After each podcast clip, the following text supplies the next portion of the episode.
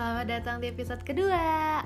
Oh iya, di episode kali ini kita bakal membahas tentang lulusan teknik lingkungan di dunia kerja. Pastinya dipandu oleh moderator dan narasumber yang luar biasa. Pada penasaran kan? Yuk dengerin aja. Check it out.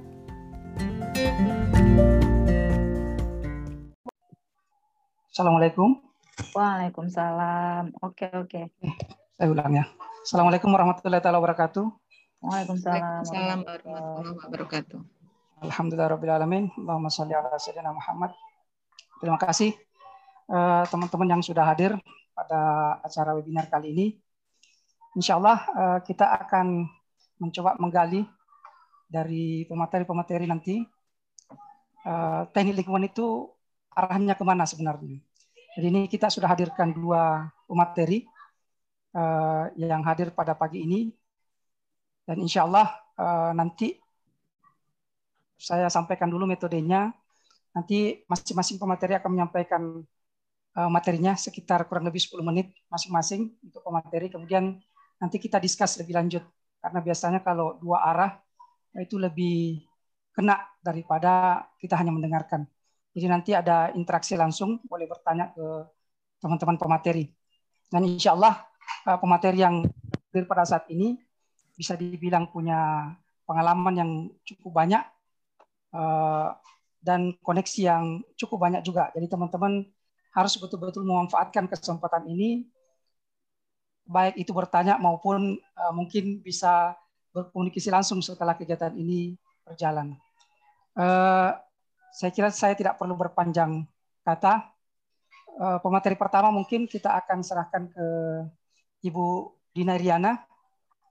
Uh, mungkin untuk profil Bu mungkin sekalian disampaikan nanti, tidak usah saya sampaikan, supaya teman-teman yang lain bisa langsung mendengar. Uh, saya persilahkan mungkin ke Ibu Dina. Baik, Bismillahirrahmanirrahim. Assalamualaikum warahmatullahi wabarakatuh. Uh, salam sejahtera untuk kita semua. Pertama-tama, marilah kita panjatkan puji syukur kehadirat Tuhan Yang Maha Kuasa, Allah Subhanahu wa Ta'ala, di mana pada pagi hari ini uh, kita semua diberi kesempatan untuk dapat bertatap muka melalui media online ya, media Zoom meeting ini untuk uh, berdiskusi, sharing sih sebenarnya kalau dibilang kalau karena kita semua sebenarnya masih sama-sama belajar. Jadi walaupun kami duluan lulus, tapi kami juga masih tetap belajar. Uh, Mudah-mudahan acara dapat berjalan dengan lancar dan nantinya dapat memberikan manfaat bagi kita semua. Amin. Uh, baik, uh, mungkin langsung saja. Uh, mohon maaf, jadi saya tidak memberikan materi khusus uh, perihal keilmuan atau apa, tapi jadi hanya sharing apa saja kegiatan yang sudah uh, kami lakukan ketika sudah lulus kuliah dari Sekolah Tinggi Teknik Lingkungan Yogyakarta. Baik,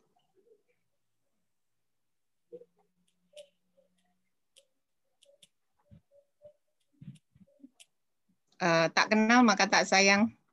Jadi saya akan memperkenalkan diri meskipun mungkin untuk eh, alumni-alumni yang sama atau yang pernah bertemu sudah mengenal saya. Nama saya Dina Iriana. Saya lahir di Kendal 2 Agustus. Uh, kemudian saya di STTL angkatan 95. Uh, pekerjaan saat ini Kebetulan kami sekarang berdomisili di Kota Batam dan saya bekerja di Dinas Lingkungan Hidup Kota Batam di pemerintah Kota Batam. Uh, alamatnya juga di Batam Center. Ini profil dari keluarga kecil kami. Jadi uh, udah berkeluarga, punya tiga anak, dua putra, satu putri. uh, untuk riwayat pendidikan ya pastinya karena alumni STTL uh, eh, di sini saya sampaikan STTL saya angkatan 95 saya lulus uh, tahun 2000 uh, ini beberapa foto waktu itu cuman uh, ada foto-foto yang mungkin juga sudah tidak ada jadi ini foto yang paling atas kiri kemarin kebetulan uh, kami 2020 ini melakukan temu alumni angkatan 95 di Jogja. Nah, ini kebetulan alhamdulillah dapat eh, rekam jejaknya bahwa saya sebenarnya juga KSL. Jadi mungkin sedikit sharing KSL ini sebenarnya dulu muncul ketika kami angkatan 95 itu eh, punya kegiatan angkatan. Nah, waktu itu eh, bentuknya adalah diskusi kelompok. Nah, karena waktu itu status STTL itu masih disamakan, kami masih menyelenggarakan namanya ujian negara yang diselenggarakan oleh Kopertis. Nah, ketika ujian negara itu kami beberapa orang itu membuat kelompok belajar. Nah, karena dirasa banyak teman-teman yang ingin bergabung, akhirnya kami menyantolkan kegiatan itu dalam kegiatan angkatan 95. Sehingga kami bentuklah, kami beri nama kelompoknya itu namanya kelompok studi lingkungan. Nah, akhirnya karena berkembang besar uh, apa punya visi lah waktu itu dari teman-teman angkatan 95 ini kayaknya bagus kalau kita bikin jadi sebuah organisasi. Jadi waktu itu ketika 95 kami uh, konsultasi dengan waktu itu ada Pak eh, dosen fisika itu Pak siapa namanya lupa. Bukan, yang Batan. Bukan, bukan Pak Sarjono. Sampai lupa. Jadi dosen fisika kemudian dengan Pak Edi Haryanto waktu itu beliau masih di Lepling. Uh, kemudian ada almarhum Prof. Parmono Ahmad yang dari Kesehatan Lingkungan UGM itu kami konsultasi uh, Prof kami pengen buat kegiatan. Oh ya bagus. Jadi akhirnya kami buatlah ADART-nya. Nah ini ada foto yang paling atas kanan itu rapat anggota pertama KSL Buana Kalpataru. Cuman waktu itu ADART sudah dibentuk 95, kami baru menyelenggarakan keanggotaan keanggotaan itu mulai 96. Nah, waktu keanggotaan 96 ini kami mulai dengan kegiatan semacam pendidikan dasar atau keakraban dengan adik-adik angkatan 96 waktu itu leadingnya ada uh, Mas uh, Ihsan mungkin ada yang kenal yang di uh, eh, DLH Jogja. Ada Ihsan kemudian ada banyak sih kalau angkatan 96 ada apa lagi ya? Mehmet. Ya, jadi ya pokoknya angkatan 96 waktu itu kami buat lah ini beberapa kegiatan. Nah, dari mulai 96 itulah sebenarnya sudah berdiri organisasinya sehingga uh, kami punya beberapa target kegiatan. Ini mungkin yang foto-foto di bawah. Ini ada sedikit uh, foto kegiatan dulu. Selain mapala saya juga suka ngeband walaupun udah pakai jilbab ya. Terus ini kegiatan-kegiatan KSL waktu itu kalau nggak salah 98 kami melakukan uh, sosialisasi dan sekaligus praktek untuk pengomposan di Bantul. Nah ini ada beberapa fotonya, mungkin ada yang kenal, ada Mbak Diana, angkatan 96, kemudian ada uh, siapa yang di Lampung ini juga ada. Oke, next mungkin. Nah, ternyata ketika di dunia kerja, ketemu dengan beberapa teman-teman juga yang mereka juga uh, sudah bekerja, mereka menyampaikan wah kayaknya nggak cukup kalau cuman S1. Tahun 2011 kebetulan STTL uh, eh, waktu itu ITY melalui Pak Prof uh, Hafid beliau menyampaikan kepada suami saya kebetulan kan suami saya juga alumni STTL angkatan 87 dan beliau sampai sekarang masih jadi ketua alumninya uh, Bang Ade atau biasa dikenal Bang Ade namanya Usaini Rahman. Nah ini beliau menyampaikan Pak Afid menyampaikan ke Bang Ade bahwa uh, eh, ITY akan membuat program pasca sarjana. Nah waktu itu kami angkatan kedua yang ikut.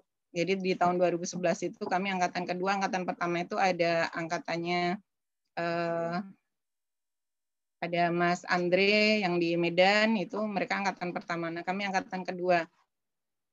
Qadarullah 2013 sebenarnya sudah selesai cuman kami ikut wisuda di tahun 2016 eh 2000 ya 16. Ini beberapa foto. Waktu itu eh, karena kami tergolong pioner Dan kebetulan yang dari Batam itu yang ikut ada sembilan orang. Jadi beberapa kegiatan eh, belajar mengajar itu diselenggarakan di Batam. Jadi dosen yang kami terbangkan ke Batam. Nah, sehingga ya karena kebetulan Batam dekat dengan Singapura, kami ajak juga beliau-beliau untuk eh, jalan-jalan ke sana. Mungkin itu dari beberapa fotonya. Untuk pekerjaan, jadi ketika lulus tahun 2000 sebelum wisuda sebenarnya uh, saya udah bergabung untuk bekerja di konsultan lingkungan. Waktu itu uh, sempat di Jakarta, kemudian pindah ke Medan, PT Kuala Biru Utama. Mungkin beberapa mungkin sudah ada yang tahu. Nah, dari konsultan itu sampai tahun 2009. Dulu awalnya Kuala Biru ini berdomisili di Medan. Eh, banyak beberapa pekerjaan yang dilaksanakan di sana. Ada review desain IPAL, peternakan babi yang terbesar yang ada di Sumatera Utara waktu itu, kemudian juga menyusun dokumen lingkungan. Eh, ada beberapa pekerjaan lah yang ini. Nah, tahun 2004 setelah menikah kami ekspansi ke Batam. Nah, di Batam juga merintis awal untuk konsultan lingkungan. Kebetulan waktu itu di Batam konsultan lingkungan masih banyak yang dari luar, dari Jakarta, dari luar Batam maksudnya, sehingga uh, prospek lah waktu itu untuk uh, menjadi konsultan lingkungan lokal di Batam. Nah, berkiprah di Batam konsultan hingga tahun 2009, mungkin banyak juga beberapa alumni KSL yang bergabung seperti Bang Yusuf, uh, Mbak Intan, banyaklah beberapa dari adik-adik STTL yang bergabung. Kemudian 2009 eh, kebetulan mencoba untuk ikut ASN. Saya masuk di pemerintah Kota Batam 29 sampai 2016 itu eh, bertugas di Bapedal Kota Batam. Kemudian 2017 itu melebur eh, dinasnya menjadi Dinas Lingkungan Hidup Kota Batam sekarang bergabung dengan Dinas Kebersihan. Oke. Okay. Mungkin ini profil sedikit dari uh, Nah, beberapa pekerjaan terkait kalau di ASN mungkin bagi teman-teman juga sudah ada yang tahu kalau di apa bekerja di ASN seperti apa. Nah, cuman kebetulan karena dinasnya adalah dinas lingkungan hidup Bapedal waktu itu memang ya otomatis selaras dengan uh, ilmu keilmuan yang kita peroleh di STTL yaitu ilmu lingkungan. Nah, uh, untuk pekerjaan-pekerjaan awalnya uh, saya kebetulan ditempatkan di bagian program perencanaan. Di situ sebenarnya memang walaupun basic kita teknik lingkungan, tetapi ketika merencanakan uh, suatu kegiatan juga ternyata perlu basic untuk teknik lingkungan. Jadi buat adik-adik misalnya nanti diterima di pemerintahan, kemudian kita memang tidak di bagian teknis tapi di bagian yang lain, uh, itu berguna juga sih sebenarnya. Jadi ilmu-ilmu yang kita dapatkan sebenarnya menjadi dasar atau basic ketika kita bekerja. Nah, untuk kegiatan yang sekarang, kebetulan untuk di DLH, saya diberi tanggung jawab untuk uh, menghandle terkait rekomendasi izin tempat penyimpanan sementara limbah B3. Nah, ini ada beberapa foto dokumentasi yang kami sampaikan. Jadi ketika verifikasi uh, bangunan untuk tempat penyimpanan sementara limbah B3 seperti ini. Jadi itu ada beberapa persyaratan tata caranya mengacu ke Permen LHK nomor P 16 tahun 2020 untuk tata cara pengelolaan limbah B3, kemudian jenis-jenis limbah B3-nya, limbah B3 yang uh, dikelola itu mengacu ke PP 101 2014. Ini beberapa profilnya. Kemudian kami juga menghandle untuk uh, izin pengolahan limbah cair atau IPLC. Nah, ini beberapa uh, ilustrasi atau foto dokumentasi ketika verifikasi IPAL karena untuk uh, bagi kegiatan usaha yang mengeluarkan limbah cair itu mereka memang diwajibkan memiliki izin pembuangan limbah cair ketika dibuang ke media lingkungan. Kebetulan kalau untuk kewenangan kota IPLC ini hanya ketika buangan air limbahnya dibuang ke drainase kota. Tapi kalau buangan limbah cairnya dibuang ke laut, maka kewenangan izinnya itu di Kementerian Lingkungan Hidup. Seperti itu. Nah, kami juga di Dinas Lingkungan Hidup kami juga membina ada kegiatan pembinaan pramuka yaitu Sakakal Pataru. Mungkin bagi teman-teman sudah ada yang familiar kalau yang suka aktif di pramuka, kami masih juga membina jadi adik-adik pramuka yang ada di Kota Batam eh, yang memilih Sakakal Pataru untuk eh, apa? Untuk kegiatan tambahannya mereka di bawah binaan kami. Kemudian juga kami menyelenggarakan pembinaan duta lingkungan sekota Batam, yaitu bagi eh, baik siswa-siswi maupun yang sudah mahasiswa bisa tergabung di sini asalkan mereka memang punya kemampuan untuk eh, menjadi duta. Kemudian sebenarnya juga kami membina sekolah-sekolah eh, dalam program sekolah adiwiyata. Nah ini juga sifatnya pembinaan. Jadi di sini sebenarnya ilmu-ilmu kita, basic kita ketika di ITY, di STTL itu sangat penting gitu meskipun semuanya sudah dalam bentuk terapan, tetapi pengetahuan kita untuk uh, apa dan ditambah dengan pastinya dengan kemauan untuk tetap belajar itu insya Allah sih semua bisa kita laksanakan dengan baik. Uh, kebetulan uh, saya juga diberi amanah untuk uh, membantu kegiatan penyiapan kerjasama pengelolaan sampah dengan investor. Nah ini kebetulan kalau di Batam TPA yang ada tempat pembuang, pemrosesan akhir sampahnya itu masih dilakukan dengan metode konvensional kontrol landfill. Nah ini sebenarnya kalau untuk skala kota besar kontrol landfill sebenarnya sudah tidak boleh harus sanitary landfill. Nah cuman karena uh, minimnya anggaran untuk pengolahan sebenarnya dari tahun 2012 itu pemerintah Kota Batam sudah berencana untuk um, melakukan kerjasama pengolahan sampahnya di TPA itu dengan investor-investor dengan uh, metode atau teknologi yang modern gitu. Nah, cuman sampai sekarang belum belum juga uh, berhasil, sempat lelang dan sebagainya, uh, sempat pernah dikerjasamakan tapi juga uh, belum berhasil berjalan sampai sekarang. Nah, ini saya membantu untuk uh, beberapa calon investor. Di sini ada dokumentasi foto-foto Eh, mereka presentasi uh, apa teknologi yang digunakan. Nah ini juga penting sekali adik-adik mungkin juga karena ini kita sifatnya ini kan kalau teknik lingkungan sebenarnya kita umum semua ilmu kita ada. Nah ketika memang seperti tadi pengolahan limbah B3 kita mengerti otomatis kita mendalami lebih jauh tentang peraturan apa yang uh, terkait itu. Kemudian limbah cair tadi. Nah, kita ada basic sebenarnya pengolahan air limbah. Nah, kita perdalam lagi dengan aturan yang ada, kemudian proses uh, pengolahan air limbah seperti apa. Nah, ini juga tentang sampah. Kita ada materi untuk sampah. Nah, ini uh, apa?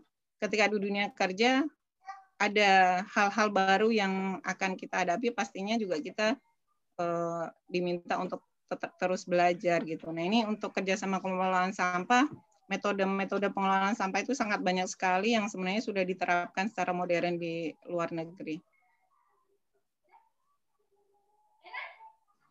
Eh, kemudian Batam kebetulan memiliki kerjasama dengan kota Yokohama, Jepang, dan eh, programnya namanya adalah program Smart City. Nah, karena Smart City otomatis eh, dinas yang berkaitan itu memang dari dinas lingkungan hidup. Nah, alhamdulillah saya juga tergabung uh, di sini dan mereka karena adanya kerjasama ini setiap tahun mereka uh, memberikan peluang untuk um, peningkatan SDM dari kami dengan melakukan seminar, kemudian workshop yang diselenggarakan di Tokyo di Jepang. Nah ini tahun 2018 itu mengikuti yang pertama seminar di dengan kerjasama dengan Tokyo University negara-negara yang ikut uh, ada Jepang, Indonesia, Filipina, Thailand, dan Vietnam. Nah ini ini juga sangat menambah kasanah atau keilmuan kita sebenarnya. Jadi meskipun uh, apa ya, ya ternyata sebenarnya ilmu yang kita dapat di ITE atau STTL itu sebenarnya sudah sangat lengkap gitu. Cuman ya kadang karena kita tidak uh, mencoba expose bahwa keilmuan di Indonesia ini sebenarnya sudah banyak. Ternyata ketika dibandingkan dengan negara-negara lain sebenarnya kita tidak tidak kalah jauh. Cuman sekali lagi implementasinya biasanya itu kita yang selalu kurang dibanding negara-negara yang lain seperti itu. Nah, ini program Smart City yang kedua. Eh, kami berangkat tahun 2019 kemarin Desember itu kerjasama eh, seminarnya yang menyelenggarakan dari ADB Institute. Nah, ini juga yang mengikuti eh, beberapa negara yang bekerja sama, Jepang, Indonesia, Filipina, ada Fiji, Fiji Island itu dan Vietnam. Nah, di sini juga kami mempresentasikan kalau yang yang seminar pertama itu fokusnya untuk pengelolaan eh, kualitas udara. Jadi pengelolaan kualitas udara yang ada di kota itu kita bandingkan dengan pengelolaan kualitas udara di beberapa negara yang lain itu. Nah, kalau yang seminar kedua ini kemarin kami diskusi tentang pengelolaan sampah. Jadi waktu itu Eh, kita mempresentasikan bagaimana sih pengelolaan sampah yang sudah ada di uh, di Batam. Nah, kemarin sebenarnya ada satu poin yang menjadi keunggulan kita, yaitu dari program pemberdayaan masyarakatnya melalui bank sampah. Nah, ini mungkin teman-teman sudah pernah ada yang dengar kalau program bank sampah di di daerah kita.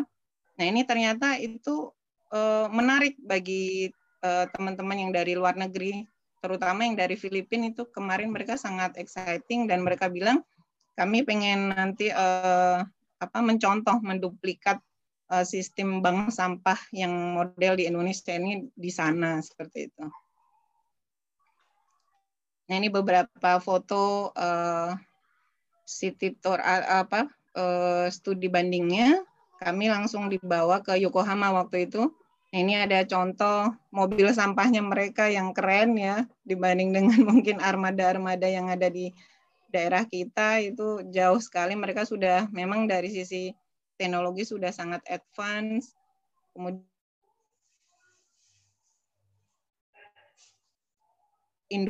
pengolah limbah. Jadi kalau di sana Halo? Ya. Ya. Ya. Lanjut, Uh, ya kalau tadi untuk pengolahan sampah di Jepang itu memang mereka sudah sudah ada industri-industri milik pemerintah yang menampung dari hasil pengolahan sampahnya itu. Nah mungkin kalau di Indonesia ini yang yang masih harus uh, kita apa fasilitasi seperti itu. Kemudian ada program juga yang terakhir yang kami kerjasamakan itu tahun 2020 ini dengan Denmark yaitu namanya Program Sustainable Island Initiative kerjasama Indonesia dan Denmark melalui Kementerian Lingkungan Hidup. Eh, kemarin yang ditunjuk kotanya adalah atau pulaunya adalah Lombok dan Batam. Nah, deklarasinya kemarin tanggal 26 Februari tahun 2020 itu masih sempat sebelum lockdown corona ya. Jadi kegiatannya masih sempat dilakukan.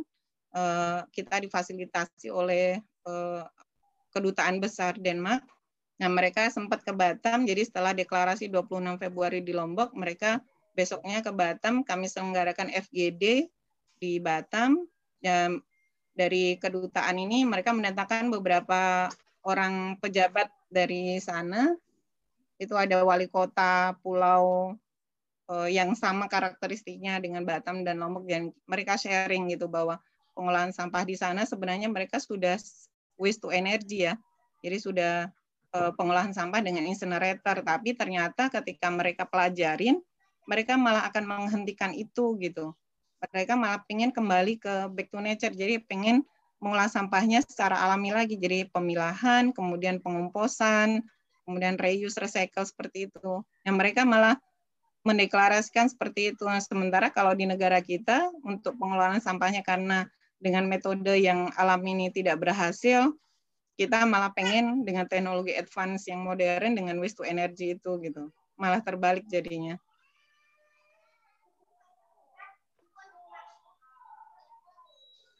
uh, mungkin yang tidak masuk di slide kami tambahkan buat uh, teman-teman. Sebenarnya ITY sekarang juga sedang menyusun uh, kerjasama untuk penyelenggaraan S3 jadi selain S2-nya yang sudah uh, banyak juga me, apa sudah ada alumni alumninya uh, kemarin Prof. Hafid uh, menyampaikan ke ketua alumni bahwa kita ke depannya ada program S3 bekerjasama dengan Dato On University di Malaysia. Nah ini sebenarnya kak uh, kita berharap sih uh, kita yang alumni alumni ini kalau memang maksudnya selain kita juga menambah ilmu kita, kita juga membesarkan alumni kita mungkin bisa nggak uh, usah ikut program S3-nya di universitas lain tapi cukup di ITY karena saya lihat untuk kerjasama dan sudah internasional ya dari Dato On University yang di Malaysia. Nah, mungkin itu sedikit sharing lah pengalaman yang saya dapatkan ketika di uh, bekerja. Ada mungkin beberapa bidang lain sebenarnya juga banyak, tapi uh, mungkin nanti bisa lewat diskusi saja. Mungkin demikian, Pak Yusuf. Terima kasih. Assalamualaikum warahmatullahi wabarakatuh.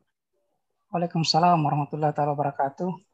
Alhamdulillah, saya kira apa yang disampaikan tadi mudah-mudahan membuka cakrawala teman-teman ke depan dan lebih lanjut nanti kita akan diskusi. Eh, kebetulan Bu Dini ini beliau adalah guru saya ketika saya lulus kuliah. Jadi banyak hal yang saya petik dan mudah-mudahan nanti teman-teman bisa menyusul juga. Saya kira Ibu Dina akan membuka uh, seluas-luasnya kalau misalnya teman-teman mau berdiskus nantinya. Kemudian kita ke pemateri selanjutnya. Uh, ada Ibu Marzulasmi, mantan ketua KSL juga. Uh, dan bisa dikatakan beliau uh, direktur sekaligus politikus di wilayahnya. Jadi teman-teman bisa nanti sharing lebih jauh juga. Uh, untuk tidak berpanjang kata, saya persilakan ke Ibu Marzulasmi. Terima kasih waktunya. Assalamualaikum warahmatullahi wabarakatuh. Waalaikumsalam warahmatullahi wabarakatuh. Terima kasih sekali uh, untuk teman-teman KSL Nataru ya yang sudah selalu berinovasi, uh, membuat kegiatan-kegiatan positif uh, yang jauh lah kalau dibanding dengan zamannya kami dulu waktu masih menjabat sebagai pengurus KSL. Kemudian terutama pada hari ini saya di Daulat diminta untuk mengisi sebagai narasumber eh, kegiatan webinar kita terkait dengan lulusan teknik lingkungan di dunia kerja ini mau jadi apa gitu ya. Sebelumnya eh, saya sampaikan juga terima kasih banyak buat Mbak Dina. Kalau konsultan angkatan kami mungkin udah nggak asing ya, sama Bang Ade juga. Banyak sekali alumni-alumni ITY yang menjadi jebolan sebetulnya, yang menjadi jebolan dan bimbingan beliau-beliau, sehingga menjadi eh, konsultan-konsultan yang militan. Salah satunya ya moderator kita pada hari ini Bang Ucup ya. Masih banyak lagi kalau mau disebutkan tuh nggak kesebut pokoknya tersebar di seluruh Indonesia. Eh, kenapa sih teknik lingkungan gitu kan? Sedikit menceritakan flashback saya bergabung di TL. Sebenarnya salah jurusan. Kenapa saya bilang salah jurusan? Dulu saya berminat sekali untuk uh, mendalami ilmu biologi. Tapi karena uh, tidak diterima di UGM dan sebenarnya pasti grade saya masuk di UNS, tapi karena perankingannya akhirnya saya gugur. Karena sudah membangun waktu itu tidak memungkinkan lagi untuk mendaftar di uh, kampus lain, akhirnya sama Bude saya diminta untuk masuk STTL. Awalnya sih ya lumayan berat ya, karena ternyata isinya kimia semua, nggak ada biologinya, ada pun sedikit sekali.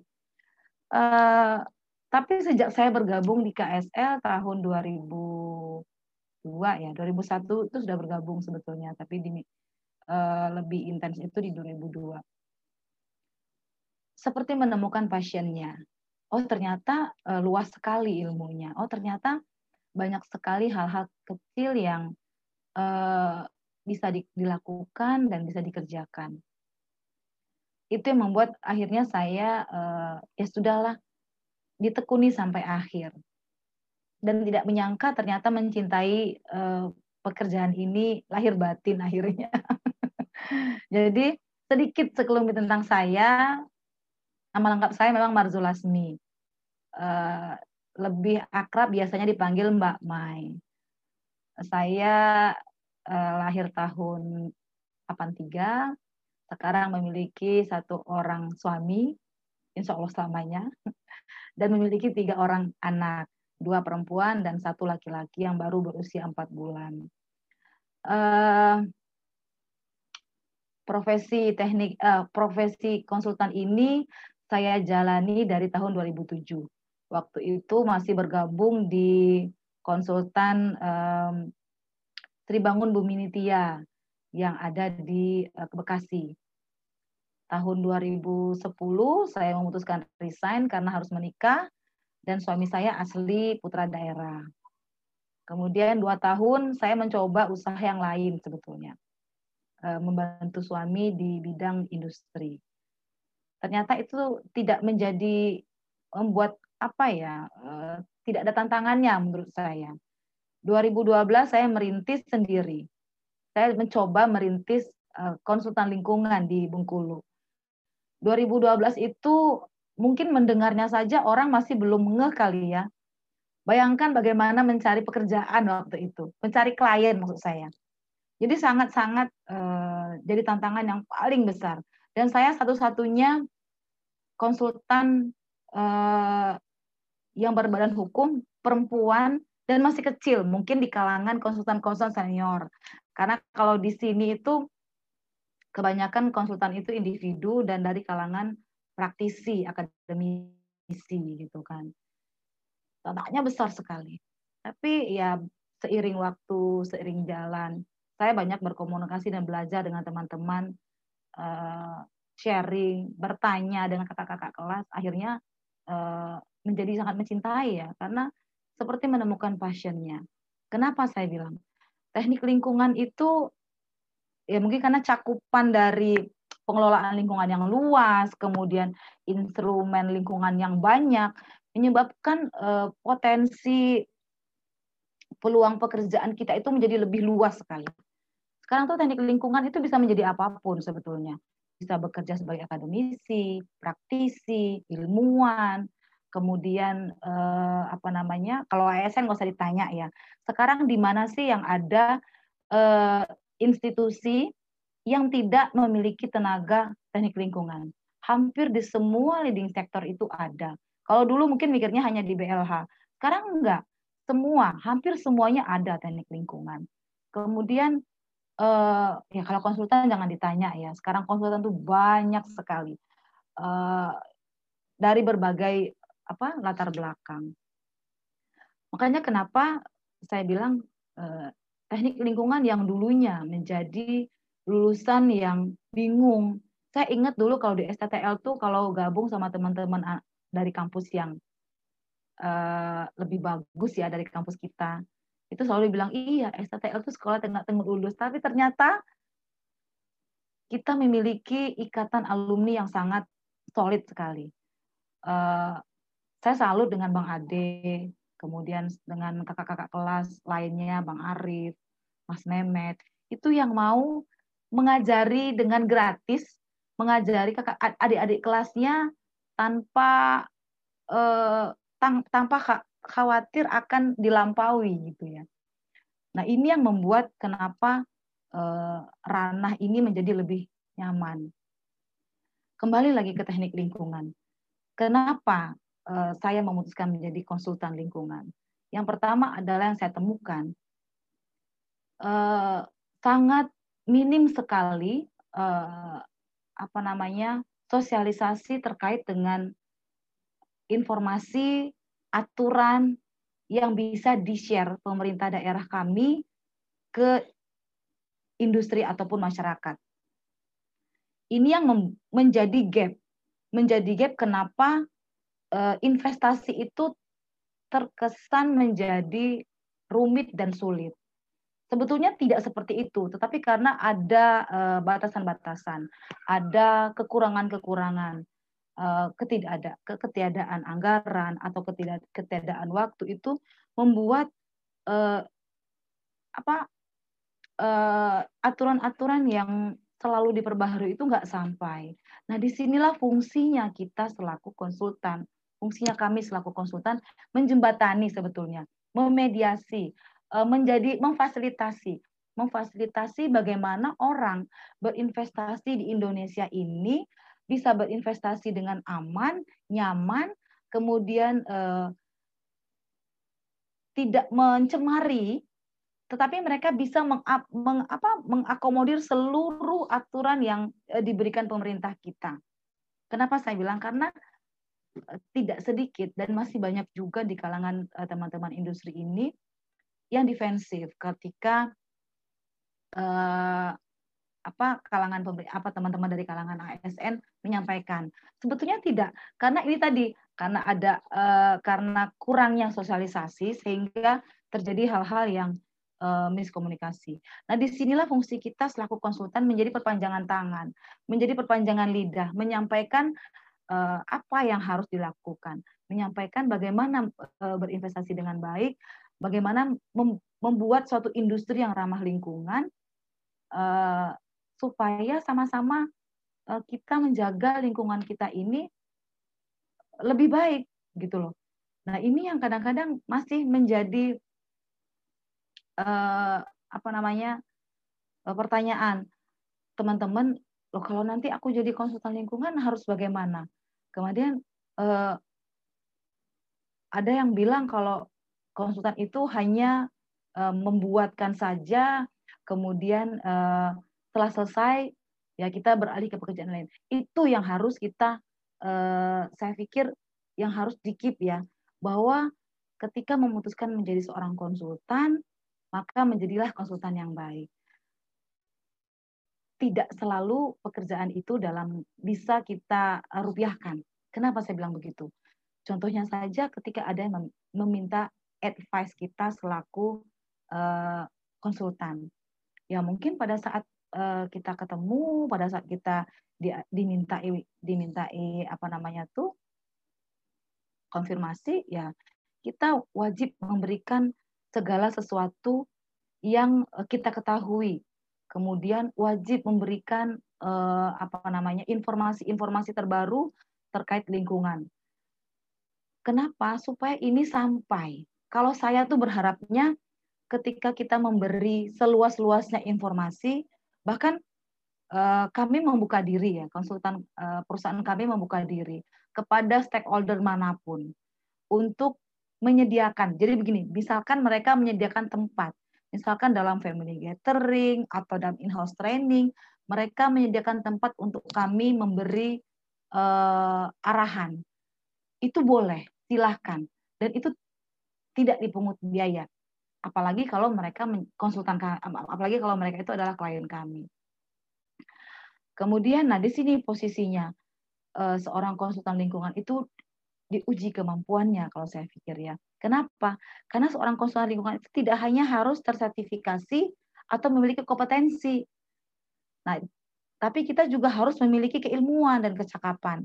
Kenapa? Itu tadi kita harus memiliki kemampuan membaca, memiliki kemampuan mengevaluasi, membaca ini membaca apa? Banyak sekali dokumen-dokumen uh, lingkungan yang harus uh, mampu kita evaluasi. Untuk kemudian ya tergantung nanti kita diminta menjadi apa.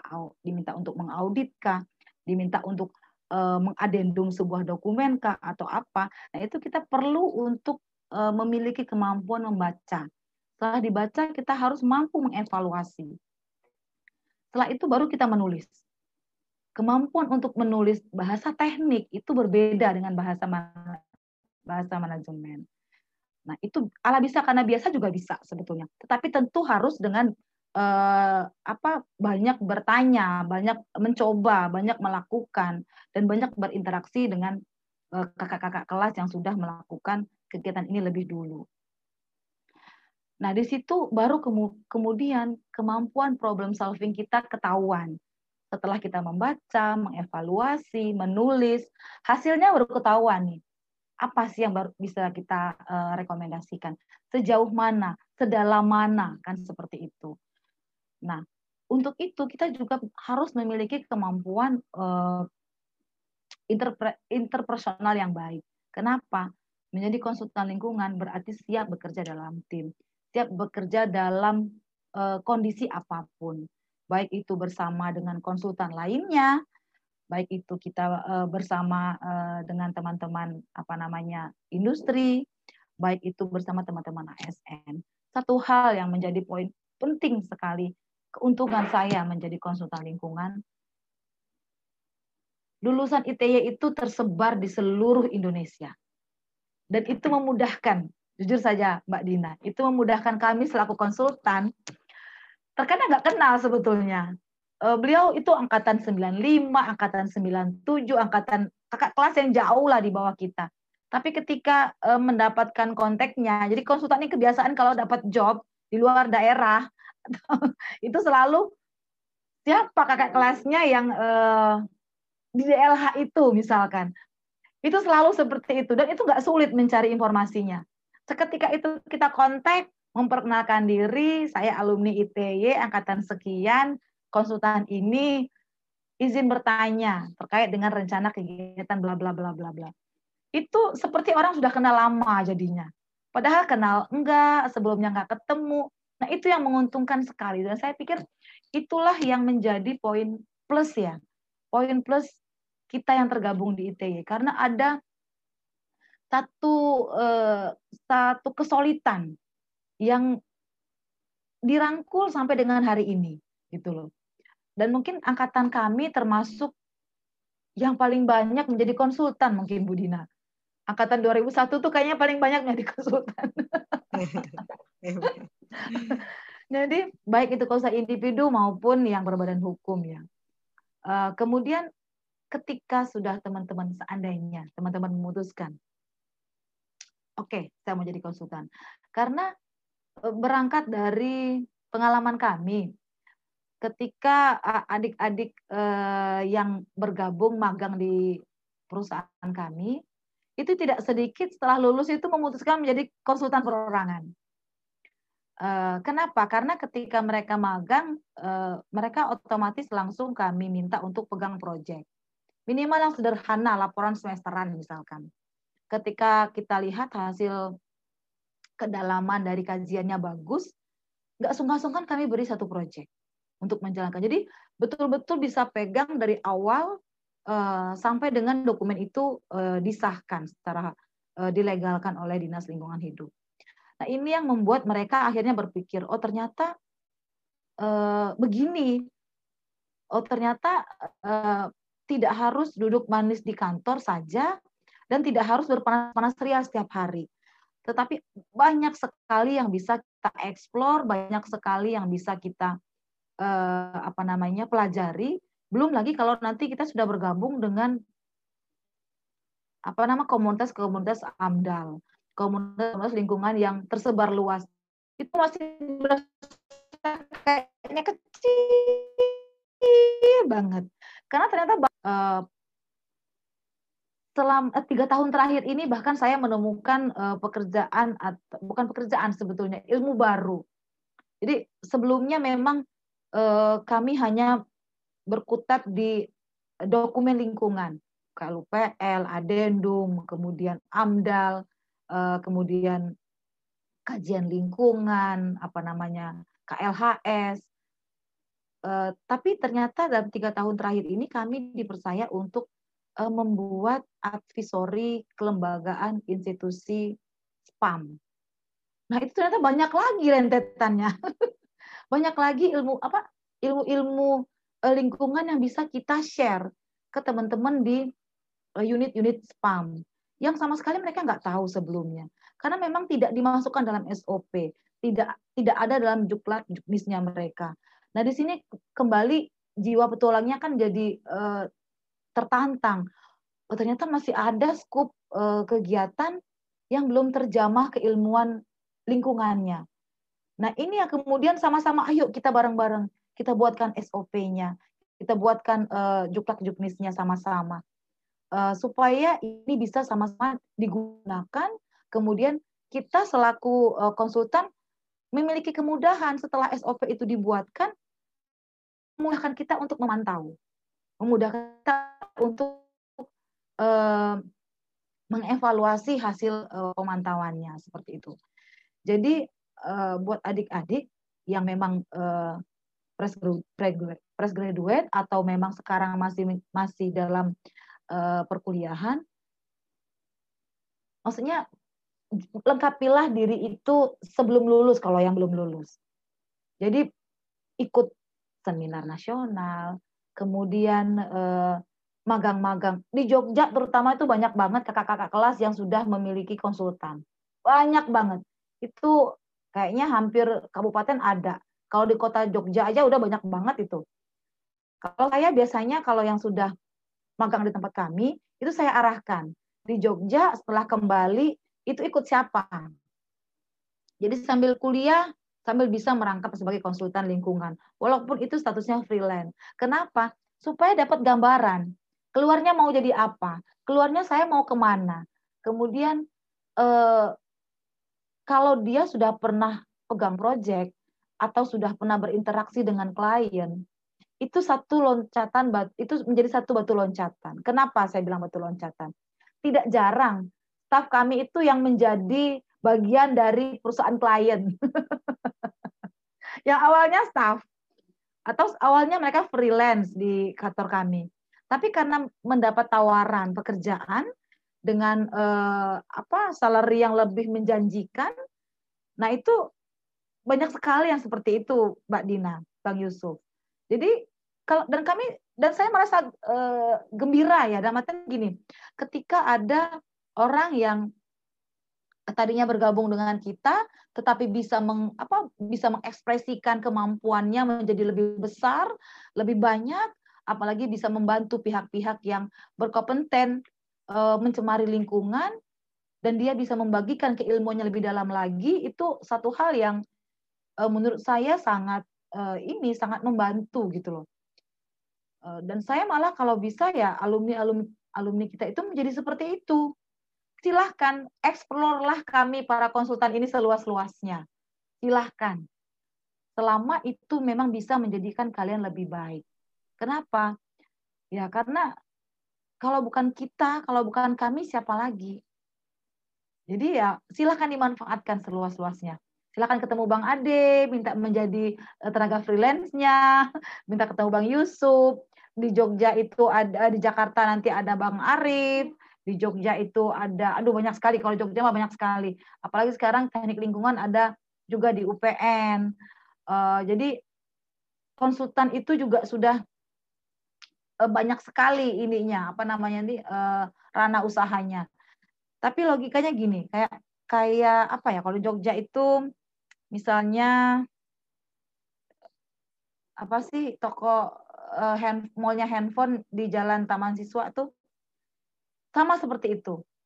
Jadi lapaknya banyak. Tapi selalu ada orang yang belanja di tempat masing-masing. Sama seperti itu. Konsultan lingkungan itu ada jutaan di Indonesia ini. Tapi tidak ada ceritanya konsultan lingkungan kebagian job. Selama rezeki masih ada, betul rezeki sudah ada yang atur dan rezeki itu nggak akan pernah tertukar selama kita berusaha, selama kita mau dan memang kita merasa mampu, insya Allah bisa. Makanya saya bilang, eksplorlah kami seluas-luasnya supaya itu bisa menjadikan batu loncatan kalian menjadi uh, menjadi lebih baik lagi. Karena ya tadi seperti yang Yusuf sampaikan, kami punya kolega, kami punya mitra, kami punya link. Manfaatkan itu untuk apa yang kalian inginkan. Jenjang karir dan apa, itu silahkan. Seperti itu. Jadi uh, dari sini saya banyak belajar bahwa uh, menjadi seseorang itu kita yang menentukan.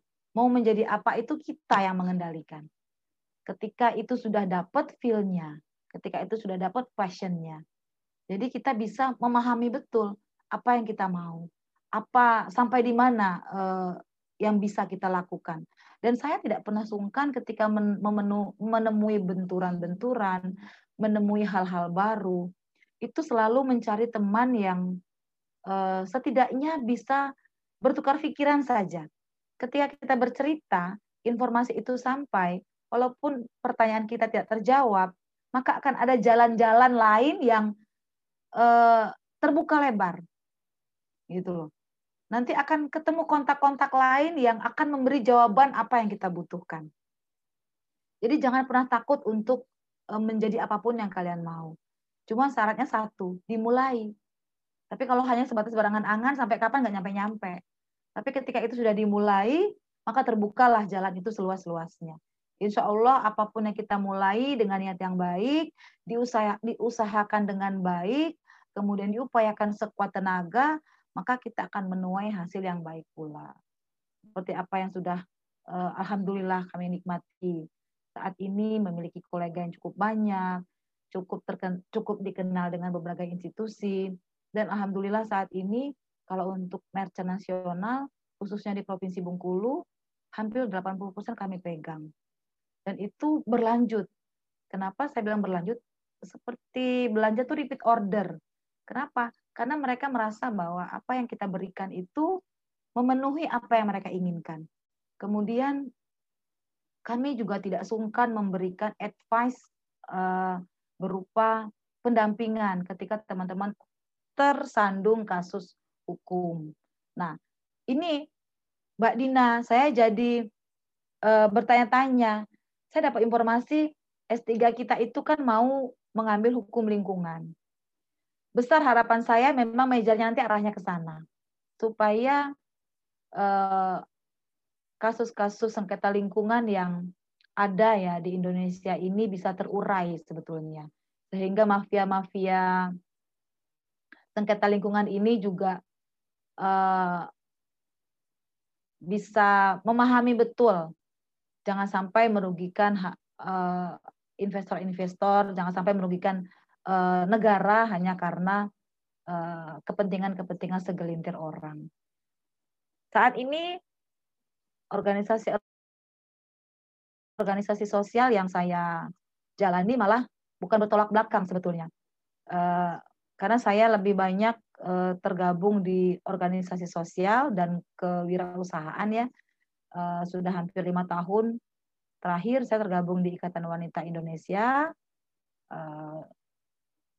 Kemudian uh, tergabung juga di Yayasan Jantung Indonesia, tergabung juga di Yayasan Talasemia Indonesia, uh, tergabung di Relawan Darah Indonesia, kemudian yang terakhir ini uh, kami sedang membentuk satu lumbung darah.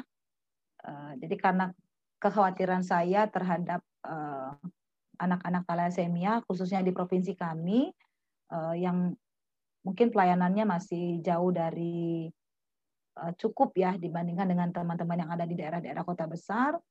Uh, kemudian kami membentuk lumbung-lumbung darah bekerja sama dengan kampus-kampus uh, untuk menjadikan pemuda-pemuda ini pendonor aktif yang nantinya akan kami jadikan pendonor tetap untuk anak-anak untuk eh, adik-adik thalassemia kami gitu. Kalau prestasi mungkin tidak banyak prestasi yang bisa saya sampaikan.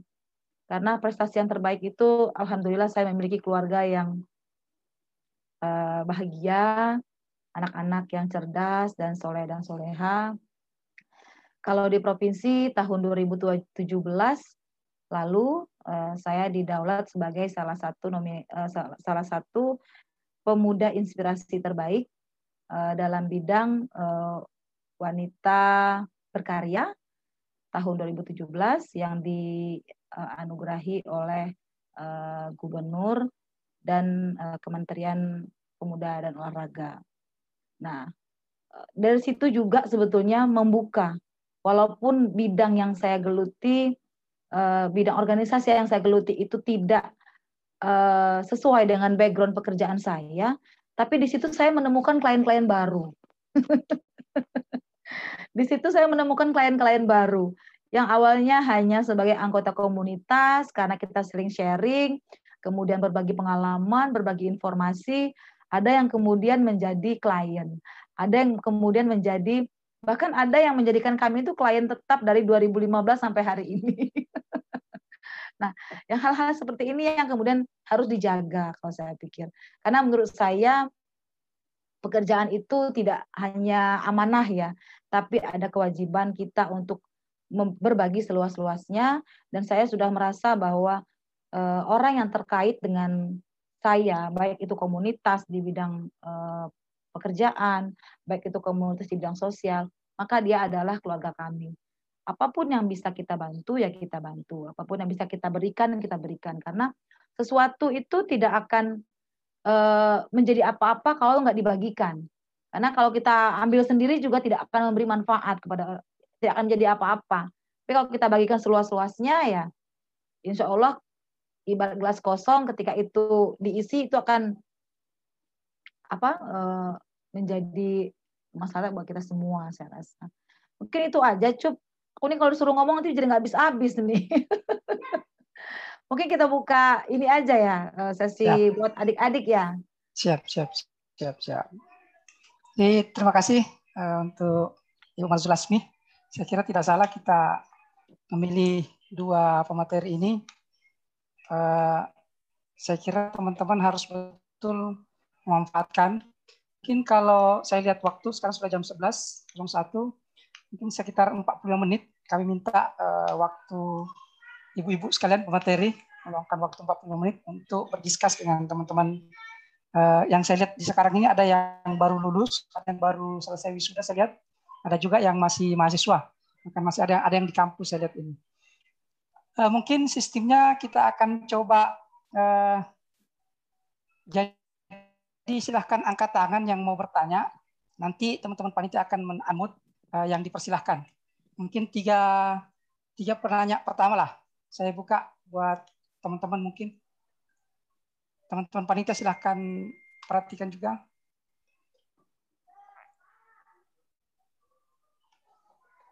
Silahkan buat teman-teman yang mau, ini sudah ada nih, uh, Denis, mungkin bisa di open unmute mungkin. mungkin. Silakan. Baik, terima Denis, kasih Bang uh, dan kakak-kakak semua. Mohon maaf saya tidak menggunakan, duh, tidak menggunakan headset karena tidak bawa. Sekarang saya lagi di kampus. Uh, setelah mendengarkan seminar tadi, saya mau bertanya. Untuk sekarang saya uh, baru fresh graduate uh, dan kemarin kebetulan saya magang di tempatnya Prof. Kapit sebagai konsultan. Nah, yang ingin saya tanyakan itu kebetulan waktu saya magang kemarin saya ikut sekali presentasi dengan DLH. Nah, dari situ eh, pada saat presentasi saya sebagai netulen eh, dari DLH dan eh, konsultan sendiri waktu memaparkan dari konsultan eh, ada satu kegiatan yang memang sudah terbangun tetapi mereka masih belum mempunyai dokumen lingkungan.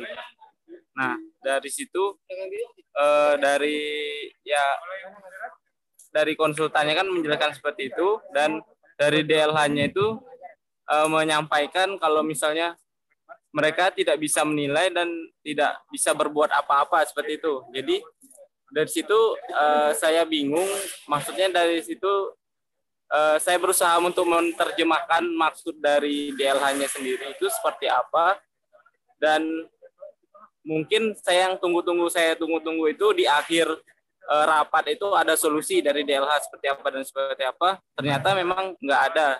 Jadi saya agak heran uh, kenapa di sini DLH dan pemrakarsa itu menjadi sangat tertutup.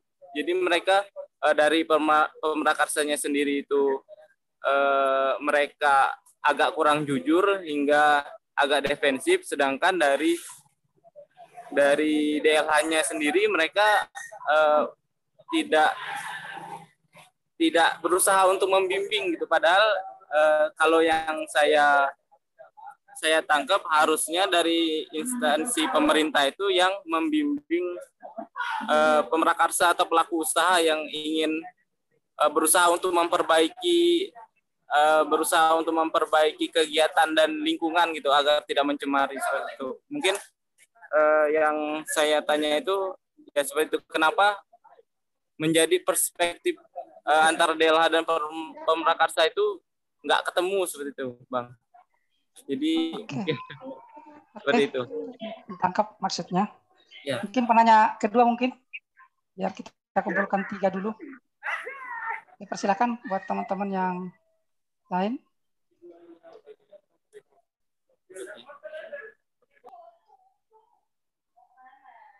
Ada yang lain? Atau kalau misalnya sampai masih berpikir apa yang mau ditanyakan. Mungkin kita bisa jawab dulu ke Ibu Dina dulu mungkin sambil supaya waktu agak digunakan. Silakan ke Ibu Dina. Iya, makasih. Uh, makasih Mas Denis. Cuma yang saya tanya, ketika jadi konsultan, waktu itu diminta untuk menyampaikan dokumen apa yang akan disampaikan ke sana? Iya. Uh, untuk kemarin itu pengajuannya karena memang dari pemrakarsa ini belum ada dokumen sama sekali, Bu. Jadi uh, mereka kan kita berusaha untuk penapisan yang kemarin. Jadi bem, karena ada peraturan baru di pasal eh di Permen nomor 23 tahun 2018 untuk buat pil. Jadi dari DLH-nya menginstruksikan untuk buat pil dulu baru nanti dipresentasikan mereka bisa memutuskan untuk buat dokumen apa. apa. Iya, sebenarnya udah benar alurnya. Jadi ketika pemrakarsa mungkin uh, saya izin ini Mbak Mai yang ya, konsultan dan senior juga.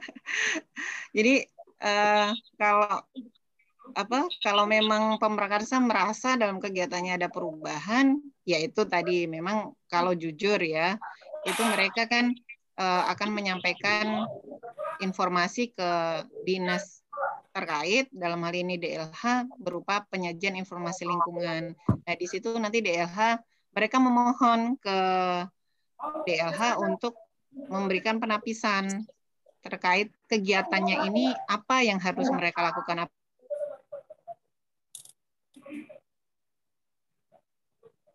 luasan atau kegiatan uh, perubahan yang lain kemudian dokum uh, kronologinya apa yang berubah itu apakah sebelumnya sudah memiliki dokumen lingkungan sudah punya tetapi ada nambah kegiatan itu akan berbeda-beda ininya apa hasil penapisannya Nah, dari dari hasil penapisan uh, hari dari penapisan DLH, DLH akan mengeluarkan surat apa yang harus pemrakarsa lakukan. Misalnya itu tadi wajib merubah izin lingkungan kalau sebelumnya sudah punya izin lingkungan.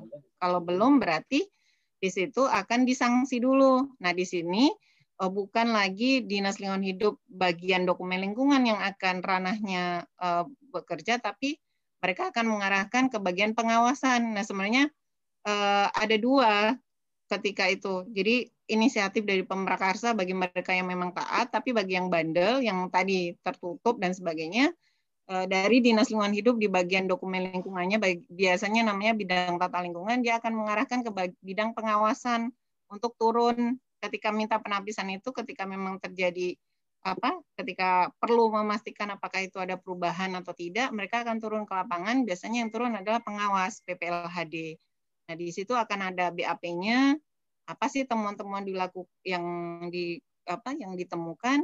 Kalau memang ternyata memang dia belum punya dokumen lingkungan dan belum punya izin lingkungan, maka akan diberikan sanksi administratif. Sanksi administratif di situ di sanksi itu juga sudah dibunyikan apa yang temuannya, apa yang harus dilakukan, diberikan jangka waktu berapa lama untuk melaksanakan dari sanksi tersebut seperti itu gitu. Kalau dari sisi uh, eh, DLH ya harusnya seperti itu. Tapi memang penapisan itu didasarkan atas tadi penyajian informasi lingkungan yang disampaikan oleh pemrakarsa.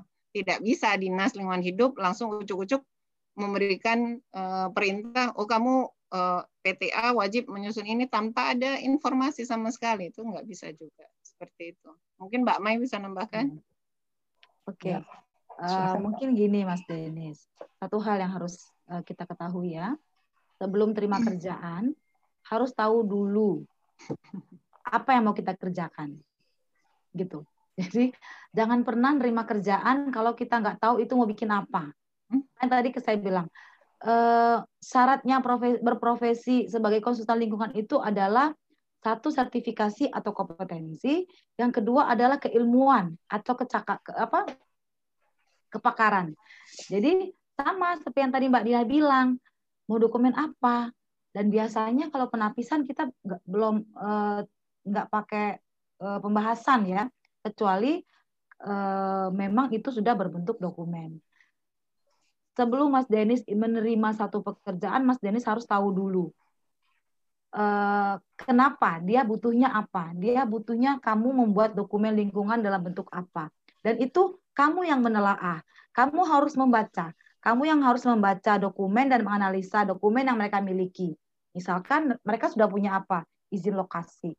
Kamu harus membaca luasannya berapa berada di mana kesesuaian RT RW-nya seperti apa apakah dia masuk dalam uh, kawasan industri atau tidak. Karena ini akan menjadi syarat kita menyusunnya menjadi lebih mudah. Karena kalau enggak, misalkan nih, eh, oke percaya percaya aja lah, kita ambil dokumen sudah terkontrak. Ternyata setelah dokumen izin mereka berikan ke kita, kesesuaian RT RW-nya menyalahi aturan. Ternyata itu padahal itu dokumennya sudah terkontrak. Diselesaikan menyalahi aturan, nggak diselesaikan kamu yang kena. kan gitu. Jadi ketika ingin membuat satu pekerjaan, pelajari dulu. Baca dulu, dia akan arahnya ke mana. Yang kedua, buatkan eh, surat permohonan penapisan. Harus, itu wajib. Walaupun kamu sudah tahu kondisinya itu pekerjaan baru dan itu pasti UKL UPL atau itu pasti AMDAL, buatkan. Karena itu adalah syarat administrasi. Dan itu menjadi beginning position kita selaku konsultan dan pemrakarsa. Setelah kamu buat penyajian apa eh, penyajian informasi lingkungannya, penapisan eh, disampaikan dan kita akan mendapat balasan resmi dari DLH. Nah, itulah yang menjadi pegangan. Dokumen balasan resmi dari DLH inilah yang menjadi pegangan. Tadi yang dibilangan eh, yang disampaikan oleh Mbak Dina, kalau dokumen kalau kegiatan ini sudah terbangun, tapi belum memiliki dokumen, maka kamu sampaikan dalam uh, pilnya bahwa ini sudah terbangun, luasannya berapa, perizinan prinsip yang sudah dimiliki apa. Nah, nanti ini disampaikan, maka teman-teman dari apa bidang satu akan menyampaikan ke bidang lainnya untuk dilakukan verifikasi. Setidaknya ini kalau untuk dibuatkan DPLH-nya harus ada sanksi administrasi dulu ya, Pak Dina ya. Ya. Nah, harus ada sanksi administrasi minimal dalam bentuk berita acara pengawasan. Minimal. Nah, cuma ini tergantung kebijakan dari masing-masing DLH. Nah, bentuk sanksi administrasinya apa? Jadi tim pengawasan harus eh, mengecek lokasi sesuai informasi yang disampaikan dalam pilnya. Nah, mereka akan ke lapangan apakah betul bangunan sudah terbangun sesuai dengan yang disampaikan apakah betul ini sesuai dengan uh, lokasinya dengan kesesuaian RT RW-nya. Kemudian uh, setelah ini sudah sesuai dengan apa yang kita sajikan, maka mereka akan memberikan balasan resmi atau berita acara pengawasan dan ini akan menjadikan dasar uh, ditentukannya dokumen itu akan menjadi DPLH, apakah DLH ataukah dokumen KUPL. Seperti itu, Denis. Uh, satu lagi, uh, terkadang salah kaprahnya itu permohonan penapisan dilakukan oleh konsultan itu nggak boleh. Jadi tetap semuanya atas nama ya, pemrakarsa. Betul. betul. Kadang-kadang karena kita posisinya sudah konsultan, hmm. jadi konsultan yang bersurat, nah itu nggak boleh. Sebenarnya apa pun sebenarnya dalam dalam penyusunan dokumen lingkungan pun itu tidak ada nama konsultan, yang ada adalah pemrakarsa. Jadi iya ketika pembahasan dokumen pun sebenarnya tidak boleh tim komisi itu menanyakan konsultan itu nggak ada karena konsultan itu under pemrakarsa. Betul. Nah itu biasanya Mbak Dina memang yang bikin pilnya konsultan, tapi tetap ya. yang menandatangani ya. Uh, dan pemrakarsa dan ya. pemrakarsa juga harus tahu isinya. Ini yang ya. kadang-kadang ya. kenapa uh, sering terjadi uh, miskomunikasi antara pemrakarsa dengan uh, apa konsultan karena pemrakarsa ini memiliki apa ya mereka tuh gini kadang-kadang ketika mereka sudah menyerahkan pekerjaan maka mereka menganggap bahwa tugas mereka sudah selesai sudah gitu. selesai sehingga pokoknya ya sudah sudah dibu sudah dibuatkan sudah kami terima hasilnya sudah di, sudah ada rekomendasinya satu hal yang harus kita tekankan bahwa dokumen lingkungan itu adalah dokumen hukum ada uh, muatan hukum di dalamnya. Jadi lembar surat pernyataan yang di, yang ditandatangani oleh pemrakarsa itu dicantumkan materai 6000. Ada konsekuensi hukum di situ. Jadi itu yang harus kita tekankan. Pak, ketika dokumen ini sudah selesai, ketika BAST-nya kita tanda tangani, harus kita sampaikan bahwa Pak ini adalah dokumen hukum. Ada konsekuensi-konsekuensi hukum yang harus Bapak tanggung ketika apa yang kita kami sampaikan dalam dokumen ini tidak dilakukan. Gitu loh. Kenapa? Karena kebanyakan klien itu ketika dokumennya udah jadi, dilipat, ditaruh lemari karena dianggap dokumen lingkungan itu adalah dokumen izin. Padahal dokumen lingkungan itu adalah dokumen dengan muatan hukum. Jadi apa yang kita sampaikan eh, pengelolaan, pemantauan, kemudian apa namanya tuh rekayasa lingkungan yang kita sajikan dalam dokumen itu harus dilakukan gitu loh. Kalau kita bikin A yang dilakukan B, tim pengawasan sampai mereka yang kena. Makanya di sinilah fungsi kita selaku konsultan harus mampu menganalisa dan membuatkan penyajian e, rekayasa e, lingkungan yang paling mungkin dilakukan oleh e, klien. Jadi nggak perlu yang muluk-muluk, nggak perlu yang terlalu tinggi, tapi yang paling mungkin dilakukan. Dan ini harus disetujui. Kenapa saya bilang harus disetujui? Karena banyak sekali dokumen yang sudah jadi, sudah dilakukan, sudah di sudah di uh, selesai, sudah keluar izin lingkungannya, ternyata pada saat praktek di lapangan mereka membangun usaha itu apa sistem pengelolaan lingkungannya berbeda dengan yang ada di dokumen. Nah, ini nanti akan kena pada saat pengawasan. Karena isi dokumen dengan apa yang dilakukan tidak sama. Makanya kenapa dokumen lingkungan itu harus diketahui isinya oleh pemrakarsa. Karena sebetulnya sejatinya memang dokumen itu adalah dokumennya pemrakarsa, miliknya pemrakarsa. Fungsinya kita konsultan ini kan hanya menyusunkan sesuai dengan eh, kaidah-kaidah aturan yang berlaku seperti itu. Oke, uh, terima kasih. Bagaimana Mas Denis mudah-mudahan bisa menangkap apa yang disampaikan. Kalau misalnya mau lebih lanjut nanti tadi udah ada nomor HP-nya kedua materi bisa disambung nanti. Kemudian ke mau ke chatting chat. Ini ada yang bertanya dari Dandi 707 terkait proper. Uh, bagaimana pembuatan pelaporan proper suatu perusahaan? beliau eh, menanyakan alurnya, kemudian syarat-syaratnya apa saja, kemudian apakah perusahaan itu kira-kira bisa mendapatkan nilai emas, zero emisi. Itu mungkin uh, inti dari pertanyaan dari Dandi 707. Silahkan mungkin Pak Dina mungkin.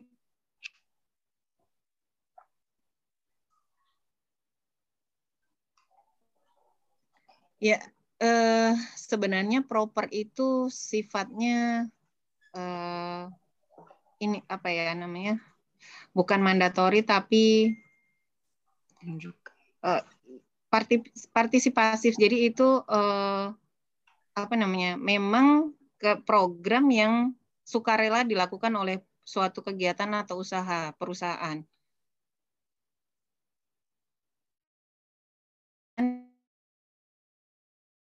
itu akan mengajukan ke Kementerian Lingkungan Hidup untuk dibina atau dibimbing dalam melakukan kegiatan itu. Nah, ini uh, proper itu sebenarnya mirip seperti ISO, tapi ini di bawah bimbingan Kementerian Lingkungan Hidup.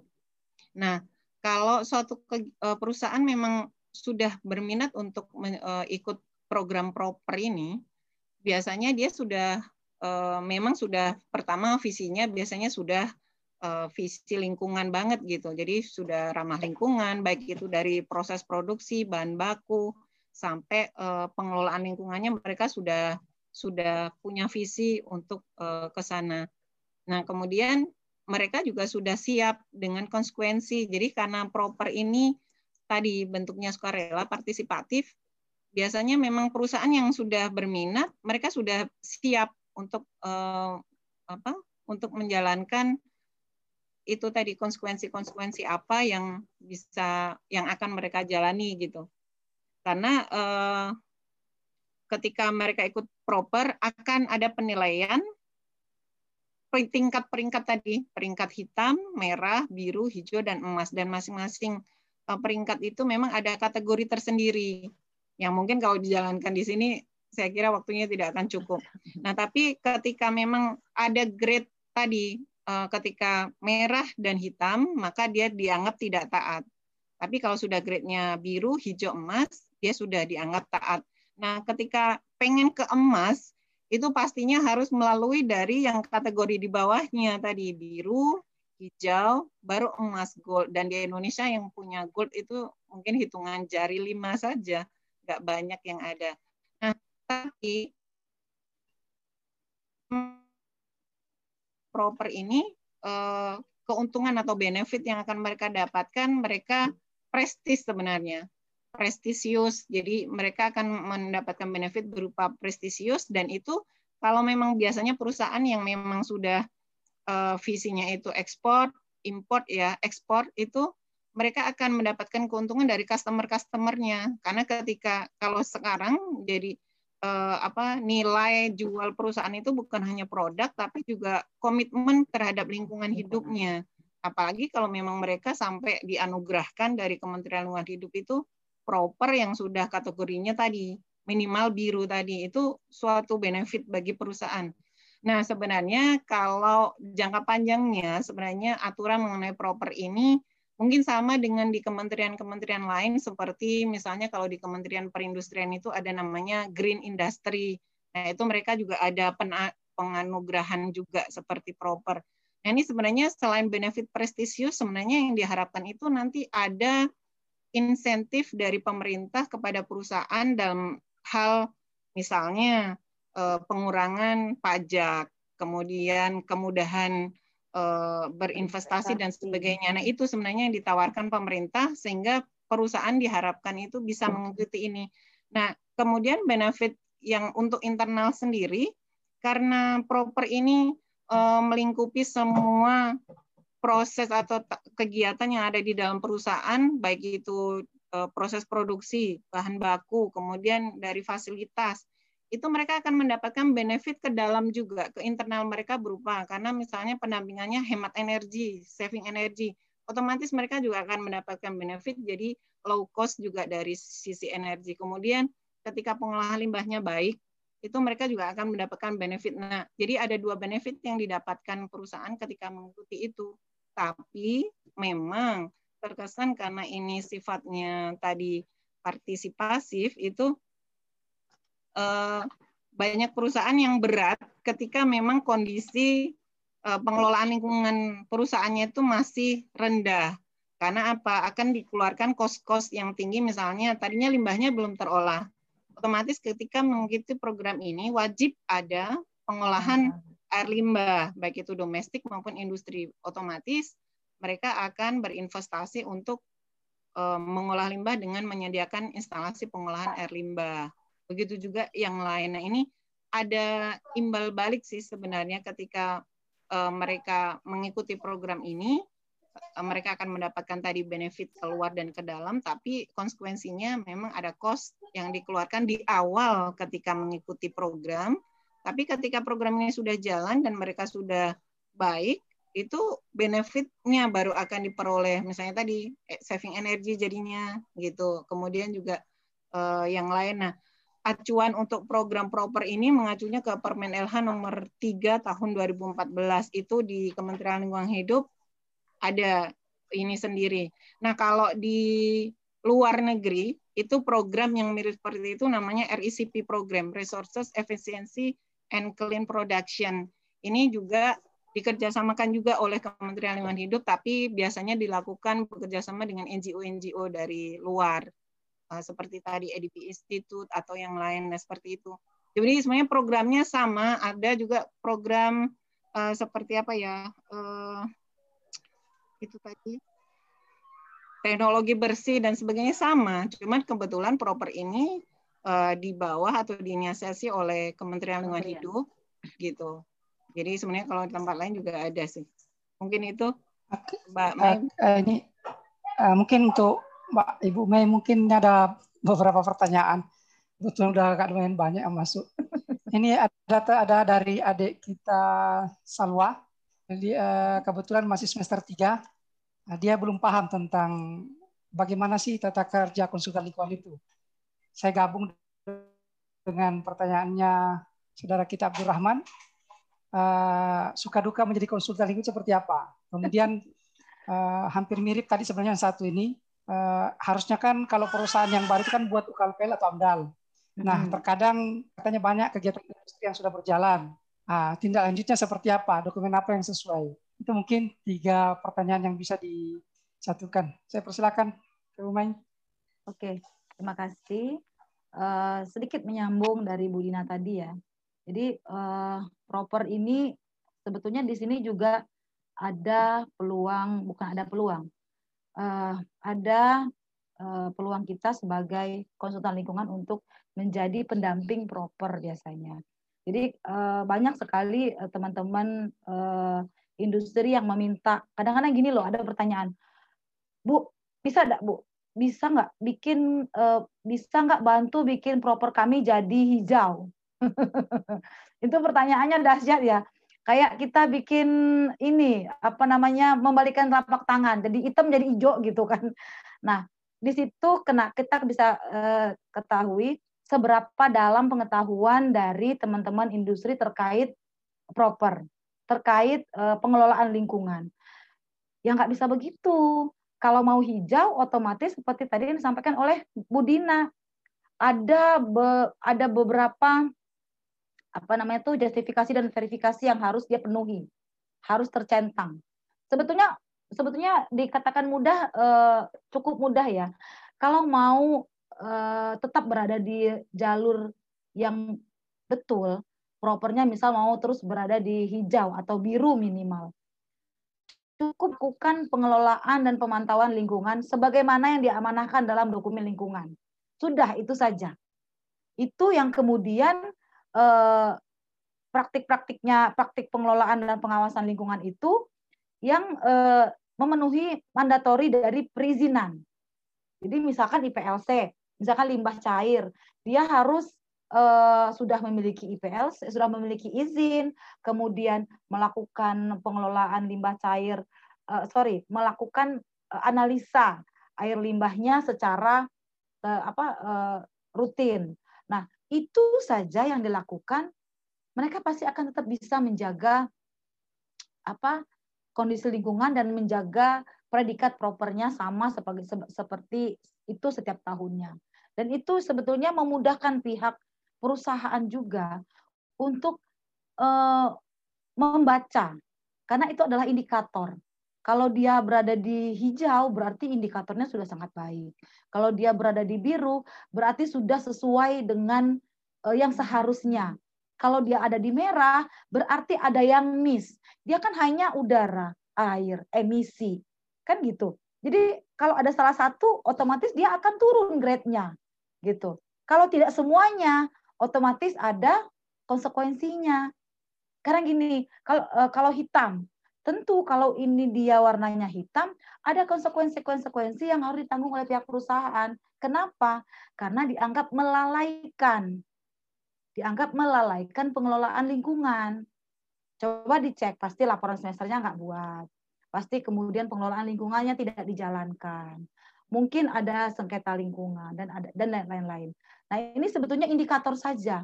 Proper itu adalah indikator eh, penilaian pengelolaan lingkungan dalam satu industri seperti itu kurang lebihnya. Kemudian saya lanjut pertanyaan dari rekan-rekan lainnya. Eh, bagaimana tata kerja menjadi konsultan lingkungan? Konsultan lingkungan itu boleh individu, asal memiliki kompetensi dan sertifikasi.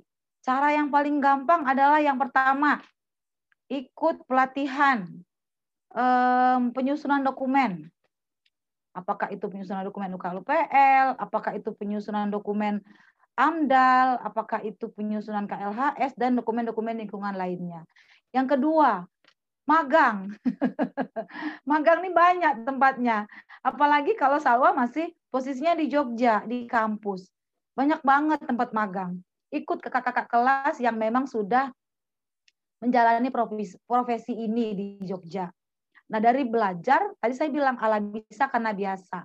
Cuma kalau sudah uh, bisa karena sudah biasa sehingga kedalaman menganalisa satu permasalahan itu menjadi lebih tajam. Itu saja sebetulnya yang membedakan. Makin sering kita menemukan uh, permasalahan yang rumit, maka makin dalam uh, evaluasi kita kita terhadap sebuah permasalahan. Suka dukanya menjadi konsultan lingkungan apa? Banyak suka dukanya. Uh, ada sukanya, dukanya juga banyak. Kenapa? Ya kalau suka itu kalau selama memang bidang ini kita uh, sukai, kita nikmati, maka menjalankannya akan lebih enjoy. Ya lukanya itu tadi namanya kalau konsultan lingkungan apalagi perempuan. Terkadang kita harus ke lokasi uh, yang jauh dari peradaban kalau saya bilang ya. Namanya orang memulai usaha. Memulai usaha itu kan di negeri entah berantah. Dan itu kamu harus siap tempur, harus sanggup, harus bisa dan harus mampu gitu loh. Uh, ya ibarat kata tuh harus hujan ke hujan kehujanan, panas kepanasan dan eh, kondisi-kondisi itu yang akan menempa sebetulnya akan menempa kamu menjadi konsultan yang uh, lebih handal. Kenapa? Kalau saya memang uh, setidaknya untuk kali pertama, walaupun kami sudah punya uh, engineer sendiri, setidaknya untuk pertama kali saya harus lihat lokasinya. Saya harus lihat rona lingkungan awalnya seperti apa. Sehingga nanti eh, dokumen-dokumen yang dibuat oleh engineer kami itu kita tahu arah arahnya sudah akan ke mana. Arah kajiannya sudah bisa dievaluasi. Seperti itu. Dan saya pikir perempuan banyak yang menjadi konsultan. Salah duanya saya dan Budina. Ya, mantan. Ya, Bu Dina ya. Mantan. Oh. Sekarang nggak boleh. Oh, iya, pemain nggak boleh, boleh jadi wasit. Nanti jeruk oh, makan pemain. Ya. Sekarang jadi wasit. Masih boleh, Bu. Tapi ternyata Mbak enak ya. banget karena dulu jadi konsultan tuh nyusun dokumen setengah mati ya. Iya. Ternyata kalau namanya ngoreksi, saya jadi tim teknis itu enak banget. Coret, salah, salah ya kan Yusuf. iya ya. Jadi ya, sekarang uh, sekarang uh, bola panasnya kan ada di itu Mbak Dina. Oh enak aja, pokoknya seret, seret, lipet, ganti, lipet, ya. ganti. Ternyata itu cuman gini, karena kita uh, sudah pernah background jadi konsultan lingkungan, itu itu juga mempengaruhi attitude ketika kita jadi ASN terus terang. Jadi kadang-kadang uh, kan bagi beberapa personal gitu ya yang di DLH itu yang mereka tanda kutip suka Belum. ya itu tadi oknum, apa ya namanya ya.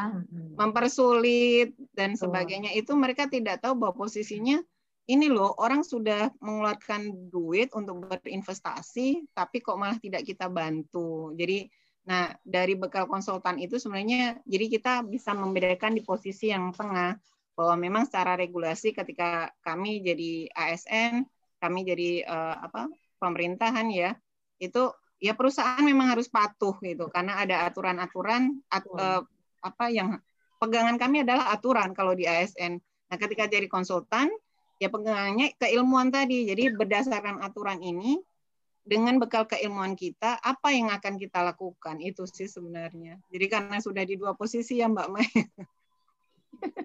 gitu.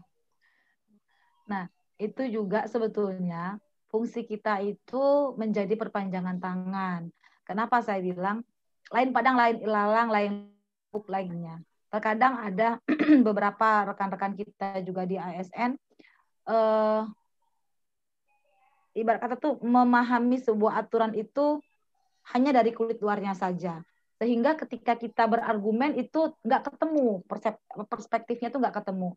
Nah ini sebetulnya eh, keuntungan kita karena kita punya kakak kelas yang tersebar di seluruh Indonesia dengan sekian ribu jabatan. Di kementerian ada, kurang paham kurang paham apa tanya, kurang ngerti apa tanya, mau tanya yang sama yang sudah berbackground ASN ada, yang memang berbackground sebagai konsultan banyak, yang sebagai apa namanya eh, evaluator juga banyak, sehingga uh, ruang kita untuk uh, membuka diri, mengeksplor diri kita menjadi lebih baik itu sebenarnya sudah tersedia. Tinggal mau apa enggak aja. Gitu aja sebetulnya. Kalau saya sering kali begitu.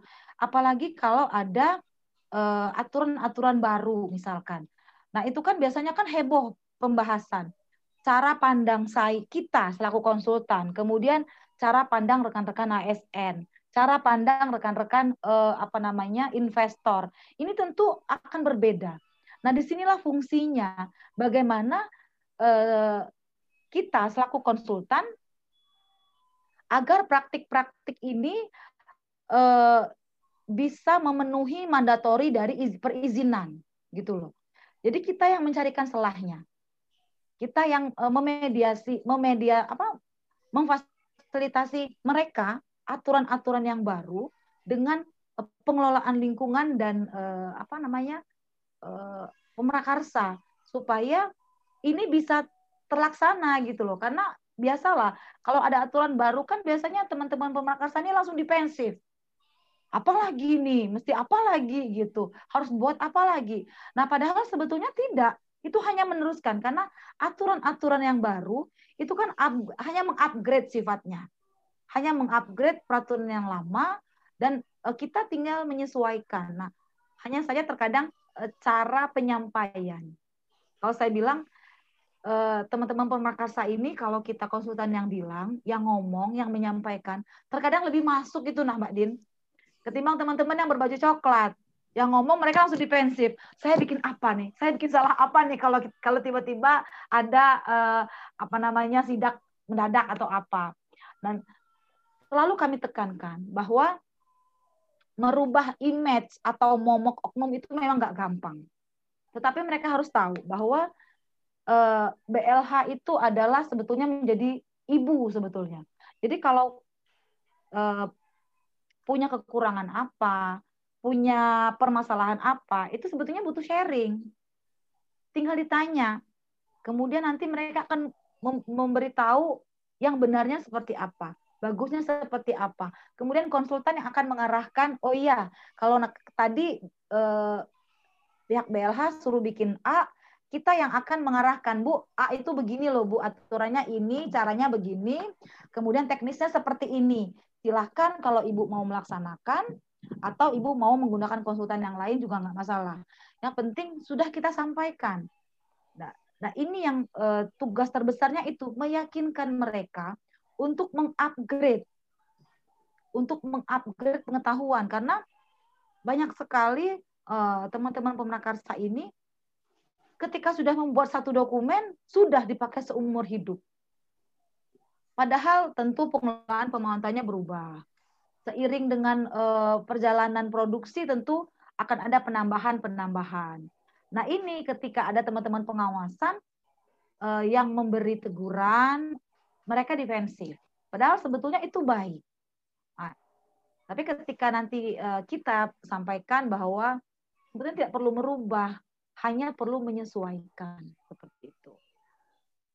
Oke, uh, mungkin yang terakhir mungkin kan udah 11.38. Mbak mungkin bisa jawab uh, dari Nofri terkait isu penghapusan AMDAL dan diganti dengan dokumen KLHS plus mungkin sekalian yang satu lagi dari Rahman ini uh, kalau buat SBU konsultan AMDAL apakah ada rekomendasi asosiasi saya persilakan mungkin, Pak Dina.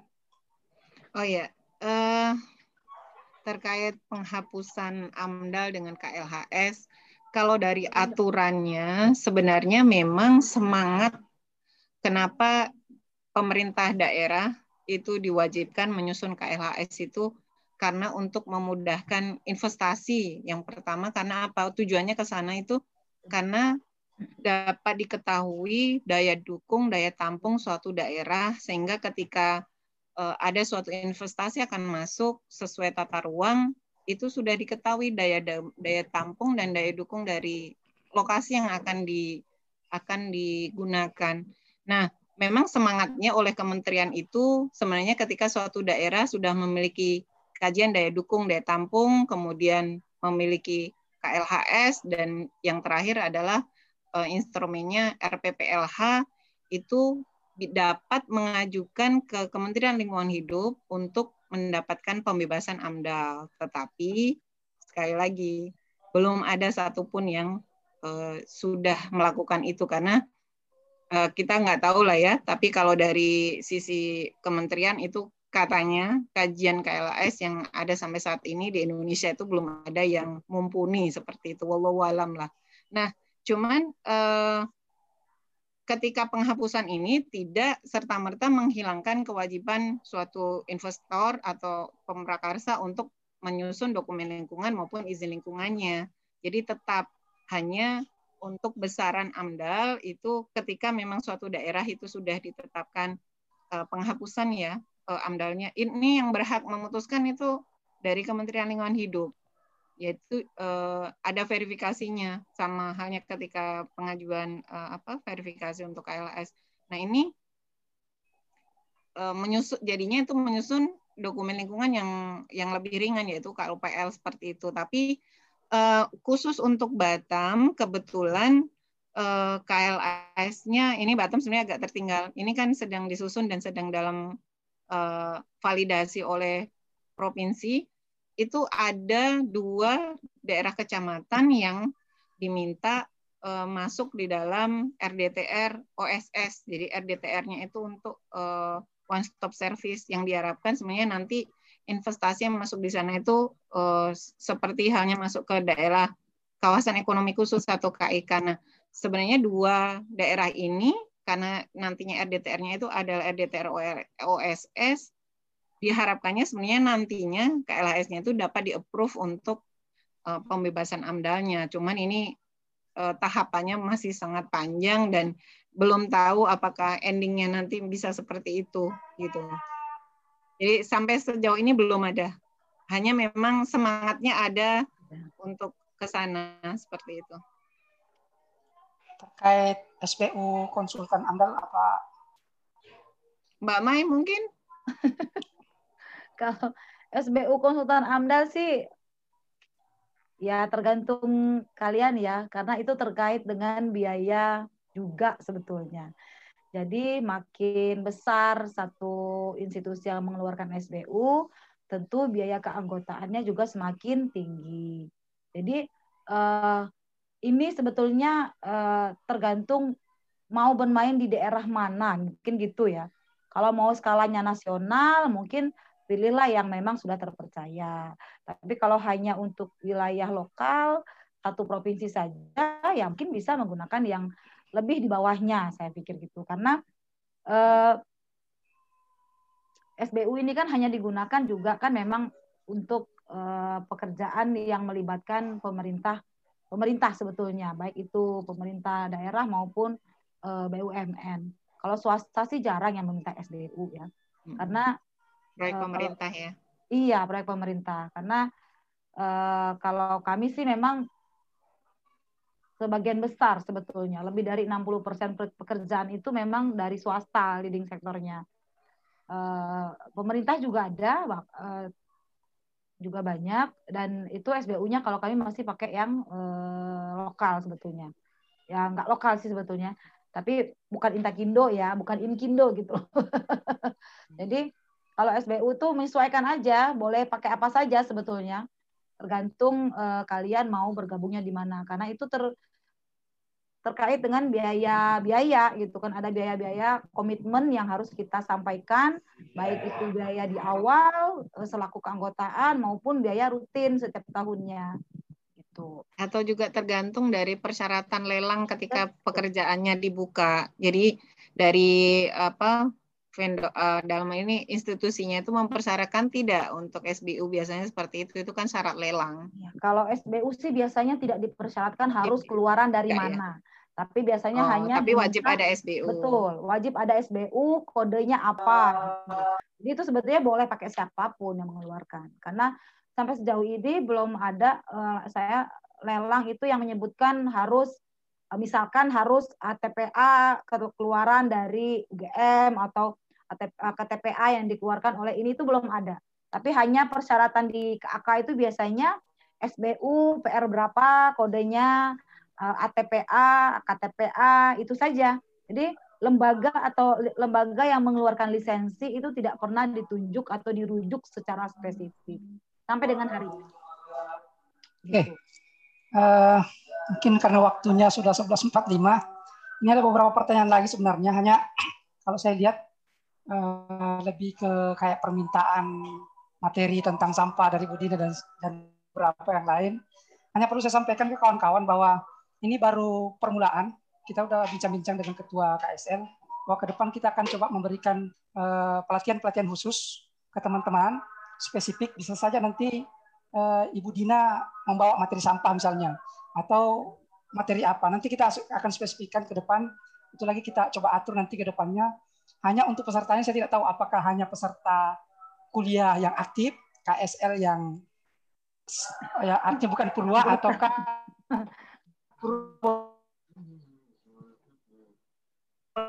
karena sudah lulus, nah silakan cari pengalaman di tempat lain. Tapi nanti untuk teman-teman mahasiswa, teman-teman uh, yang baru, uh, mungkin spesifik untuk teman-teman KSL nantinya. Kita akan coba berikan pelatihan TPSB 3, limbah cair, persampahan, dan berbagai macam uh, pelatihan lainnya.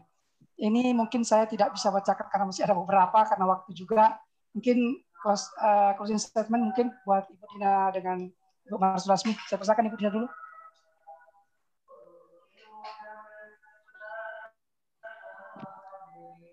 Ya.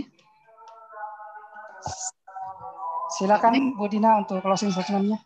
Oh, uh, baik. Uh, Alhamdulillah uh, kegiatan kali ini dapat berjalan dengan lancar. Kami berharap pastinya karena keterbatasan waktu, pastinya banyak sekali hal-hal yang ingin didiskusikan. Cuman mungkin dapat difasilitasi lain waktu. Uh, dan terima kasih Mbak Mai juga udah sharing ya pengalaman konsultannya yang luar biasa, Bang Yusuf dan yang lain. Uh, intinya sih pokoknya ketika kita mau maju, kita mau berusaha, kita mau belajar, apa pun bisa kita lakukan dengan yang terbaik. Jadi uh, nilai terbaik itu didapat ketika ya memang kita berusaha untuk belajar, tetap belajar, belajar. Jadi walaupun senior ibaratnya tapi nggak mau belajar ya sama aja. Jadi kemampuan diri, kompetensi diri itu dari diri kita sendiri tadi yang udah disampaikan Mbak Mei juga tergantung ke adik-adik juga berpulang mau jadi apa ya tergantung kemauan diri kita sendiri. Cuman ketika kebetulan karena saya ASN juga ketika jadi ASN juga jadilah ASN yang cerdas, yang smart. Jadi jangan takut untuk berinovasi. Mungkin ketika saya masuk ASN saya udah berumur ya udah kalau umur senior di kantor, tapi jabatan kita masih rendah, nggak masalah. Kita tetap berinovasi. Akhirnya apa? Ketika ada peluang-peluang yang uh, orang lain tidak mau dan tidak mampu, kita mau gitu. Karena kita mau, akhirnya mampu. Jadi kemampuan itu karena ada kemauan sekali lagi. Apa pun yang kami sharingkan dengan Mbak Mei sebenarnya itu akan teman-teman dapatkan kalau memang ada kemauan tadi. Itu sih mungkin yang dapat disampaikan. Terima kasih sudah uh, apa memberikan kesempatan kami berbagi sharing ke adik-adik mudah-mudahan bermanfaat dan uh, dapat diaplikasikan di kegiatan nantinya. Mungkin itu saja. Terima kasih. Wassalamualaikum warahmatullahi wabarakatuh. Silakan. Oke, terima kasih semuanya kesempatannya bisa berbagi hari ini sama-sama kita bercerita tentang bagaimana menjadi uh, konsultan lingkungan uh, diniatkan kemudian dilakukan kemudian uh, berikhtiar ya kalau saya bilang selama niat itu baik uh, akan dibukakan pintu jalan yang baik dan akan dibukakan Allah itu rezeki-rezeki dari dari entah kita nggak tahu sumbernya dari pintu mana saja yang dia suka. Satu hal yang perlu kalian syukuri adalah uh, eh, ITY ini adalah sebuah uh, kampus yang sudah tua dengan berbagai alumni, uh, maksudnya dengan uh, alumni dari berbagai major. Jadi manfaatkanlah, eksplorlah seluas-luasnya untuk uh, bekal untuk uh, kalian nanti ketika sudah terjun ke dunia kerja. Insya Allah kami dan rekan-rekan yang lain, Mbak Dina, Bang Ade, Yusuf. Di sini juga tadi ada Miftah kayaknya ya.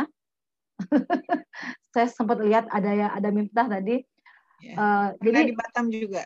Iya, makanya saya ya, bilang ada, itu. Mbak, ada, Mbak. Ada, oh, ada. ada kan? nah, ini uh, kami akan membantu, kami akan membantu se seluas-luasnya. Apa yang kalian butuhkan selama memang itu bisa kami berikan, selama itu memang bisa kami upayakan, maka mari sama-sama kita bangun, mari sama-sama kita bergandeng tangan demi uh, uh, bumi kita tercinta ini. Kalau bukan kita, siapa lagi? Kalau bukan sekarang, kapan lagi? Terima kasih. Wassalamualaikum warahmatullahi wabarakatuh. Waalaikumsalam warahmatullahi wabarakatuh. Terima kasih buat uh, ibu-ibu pemateri. Hari ini uh, harinya ibu-ibu. Mudah-mudahan ke depan nanti ada ya. bapak-bapak juga ya akan menyampaikan. Mudah-mudahan sekali lagi saya sampaikan buat teman-teman ke depan kita akan mencoba memfasilitasi uh, apalagi yang bisa kita diskusikan. Uh, masih banyak pertanyaan tadi yang disampaikan, insya Allah uh, akan difasilitasi oleh teman-teman panitia nantinya. Sekali lagi uh, saya ucapkan terima maaf, kasih buat uh, Ibu mungkin ya mungkin Ya. uh, nitip juga mungkin uh, nanti dari apa ketua alumni juga akan men- mengaktifkan kembali kemarin kan sempat ikut apa sering memfasilitasi untuk uh, apa bikin forum-forum juga mungkin nanti Ah. juga bisa diselaraskan di sana. Oke. Makasih Bang Ade. Siap, siap, siap. Alham- Alhamdulillah. Eh, jadi memang kemarin sempat juga eh, alumni, ketua alumni kita mem- sering mengundang teman-teman senior yang lain yang sudah bekerja, yang sudah taraf internasional malah eh, untuk berdiskus. Karena inilah pentingnya alumni. Eh, alumni itu bisa, eh, alumni itu bisa besar kalau kita bersatu gitu. Dan teman-teman yang baru lulus ataupun yang masih belajar, di situlah fungsi alumni. Kita bisa sharing, kita bisa cari relasi dan segala macamnya seperti yang disampaikan tadi eh, kedua pemateri kita. Sekali lagi saya ucapkan terima kasih ke Ibu Dina, Ibu Marus Lasmi atas kesempatan dan waktunya. Mudah-mudahan kita bisa bersua, berjumpa di lain kesempatan. Saya kembalikan ke panitia Ibu eh, Mbak Zul ya tadi. Ya, saya persilakan. Terima kasih, saya tutup. Assalamualaikum warahmatullahi wabarakatuh. Jadi teman-teman udah pada dengerin kan webinar mengenai lulusan teknik lingkungan di dunia kerja oleh narasumber dan moderator yang kece banget. Nah, semoga dari webinar ini teman-teman dapat gambaran ya untuk ke depannya mau jadi apa.